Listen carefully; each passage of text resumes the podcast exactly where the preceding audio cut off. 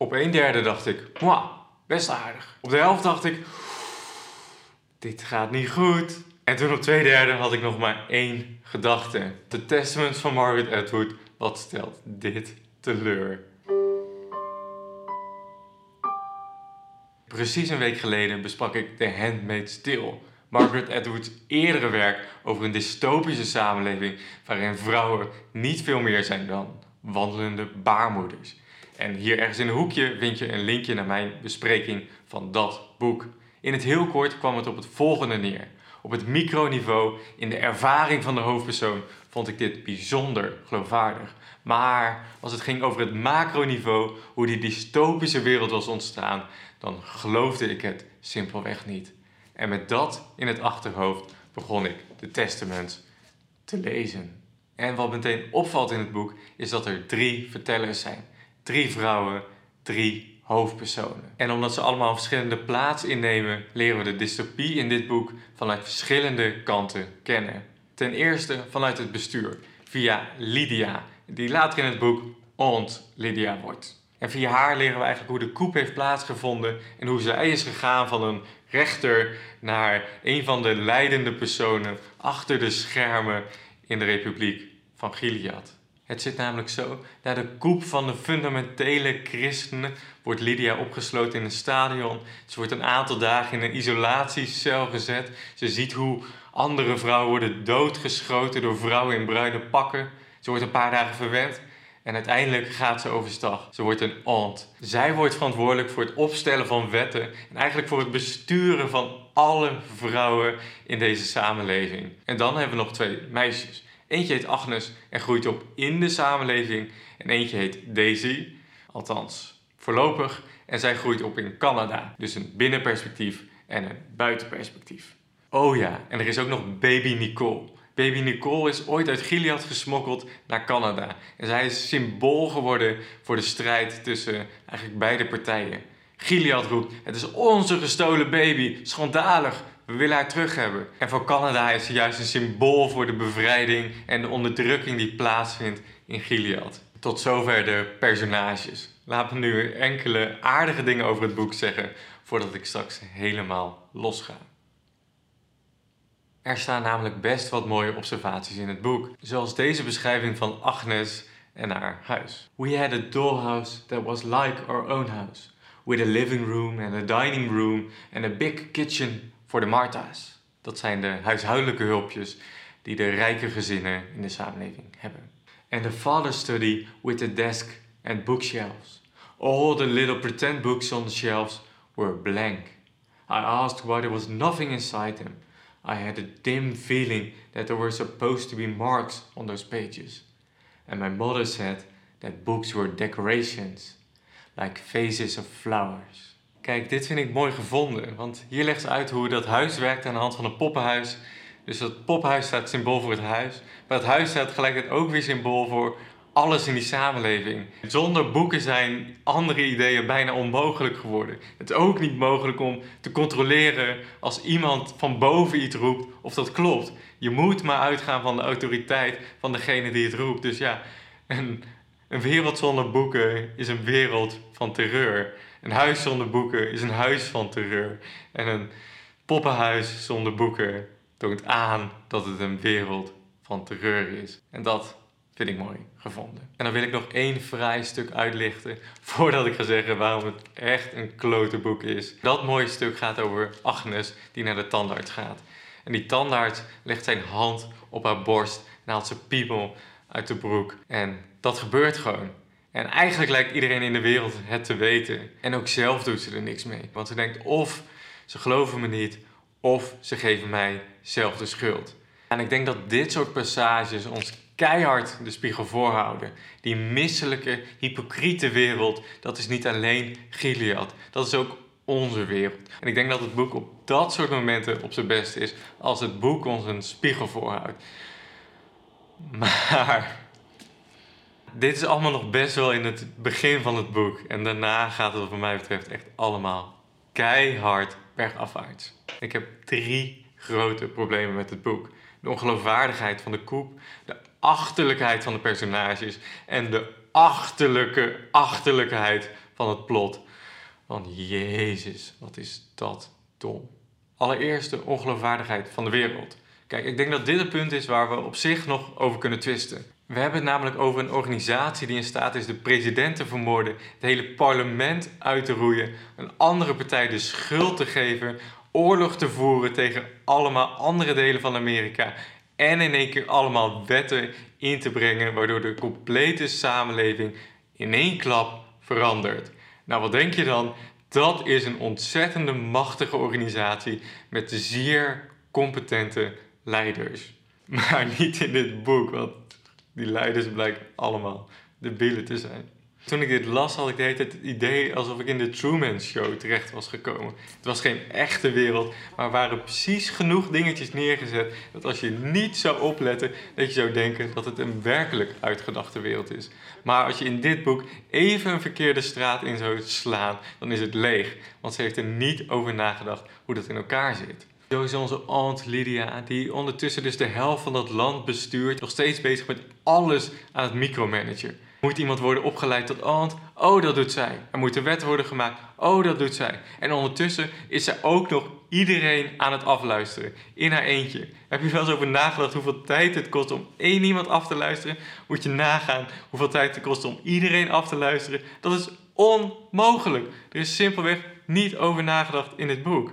Zo ontdek je tijdens lezen voortdurend allemaal scheuren in het boek die maar op één ding wijzen. Ze heeft niet een echte wereld gecreëerd, maar precies genoeg zodat jij als Truman in de Truman Show er doorheen kan wandelen. En als je helemaal onoplettend bent, geloof je ook nog echt dat je in een wereld bent. Maar dit is geen wereld, dit is één en al schijn. En dat, dat is jammer. En dan gaan we nu verder met iets wat ik echt kut vond de karakters. Want waar we in de Handmaid's Tale nog een complex, moreel ambigu hoofdpersoon hadden, hebben we hier twee niet-zeggende meisjes en Aunt Lydia. En Aunt Lydia is oh zo slim. Ze zegt tegen een van de andere vier hoge aunts, met wie zij dus samen het hele land bestuurt, dat zouden dus tamelijk intelligente mensen moeten zijn, dat ze een valse getuigenis Dan heeft die vrouw de valse getuigenis gegeven. En wat doet ze? Direct hangt ze die valse getuigenis boven haar hoofd. Nu heeft ze blackmail. Oké, kan gebeuren, zou je misschien denken. Maar dat gebeurt het hele boek lang. De vier vrouwen die intelligent zouden moeten zijn en het land moeten besturen. Daarvan is er maar één intelligent en de rest fucking dom. En precies die achterlijkheid legt ze ook in die ene commander die in dit boek met zijn naam genoemd wordt. Commander Judd. Commander Judd heeft het graag op jonge meisjes. En als hij iets te lang een vrouw in huis heeft, vermoordt hij haar. En we hebben het hier over de man die verantwoordelijk is geweest voor de coup. Die die aanslag heeft bereid, die de hele organisatie heeft neergezet. En die nu verantwoordelijk is voor de ICE. De geheime dienst binnen die samenleving. Een tamelijk intelligente man, denk je dan. Maar nee, als hij van zijn vijfde vrouw af wil komen, probeert hij haar te vergiftigen met rattengif. En dan denkt Lydia, oh wat dom, wat dom, dat zou ik nooit doen. Wat kortzichtig, had hij niet wat beters kunnen bedenken. En dan denk ik, had hij niet wat beter kunnen bedenken? Had Margaret Atwood niet wat beters kunnen bedenken? Had ze die gast niet gewoon wat slimmer kunnen maken? Dat Lydia's intelligentie niet zoiets is als snoep pakken van een mogoltje, maar iemand als Tyrion te slim af zijn? Nee, dat kon ze niet. Het slaat dus nergens op. Die wereld, die republiek van Gilead, kan nooit bestaan met zoveel debielen. En dat de enige met intelligentie iemand blijkt te zijn die dat systeem wil ondermijnen. Nee, dat kan gewoon niet. En dat brengt me naar het laatste punt wat dit boek echt een enorme teleurstelling maakt. Het plot. Het ondermijnen van het systeem. Waar ik vorige week de Handmaid stil nog roemde om zijn ambiguïteit, dat het geen heldin heeft gemaakt van de hoofdpersoon die in haar eentje in staat is om die hele republiek te verwoesten, gaat dit boek juist wel over het verwoesten van die republiek. En ook op zo'n om het woord maar weer eens te gebruiken, achterlijke wijze. Het plot zit zo. Want Lydia blijkt van het begin af aan bezig te zijn met een gigantisch geniaal plot om de Republiek van Gilead te ondermijnen. Ze heeft bepaalde microdots, hele kleine puntjes waar je enorm veel informatie op kan zetten. En die laat ze naar het buitenland smokkelen. naar Canada. En nu heeft ze over alle goorlappen in Gilead zoveel informatie verzameld dat ze denkt dat dat de doodsteek van het systeem zou zijn. Maar nee, in plaats van die informatie gewoon te versturen, ze heeft namelijk al smokkellijnen, of om zelf een keer naar het buitenland te gaan, dan moet ze namelijk prima toe in staat zijn met de machtige positie die ze heeft verworven. Nee, heeft ze het volgende briljante plan. Baby Nicole, weet je wel, die baby die gestolen was of weggesmokkeld, hoe je het ook wil noemen. Die is ondertussen opgegroeid in Canada en die moet twee woorden getatoeëerd krijgen op haar onderarm. God en love.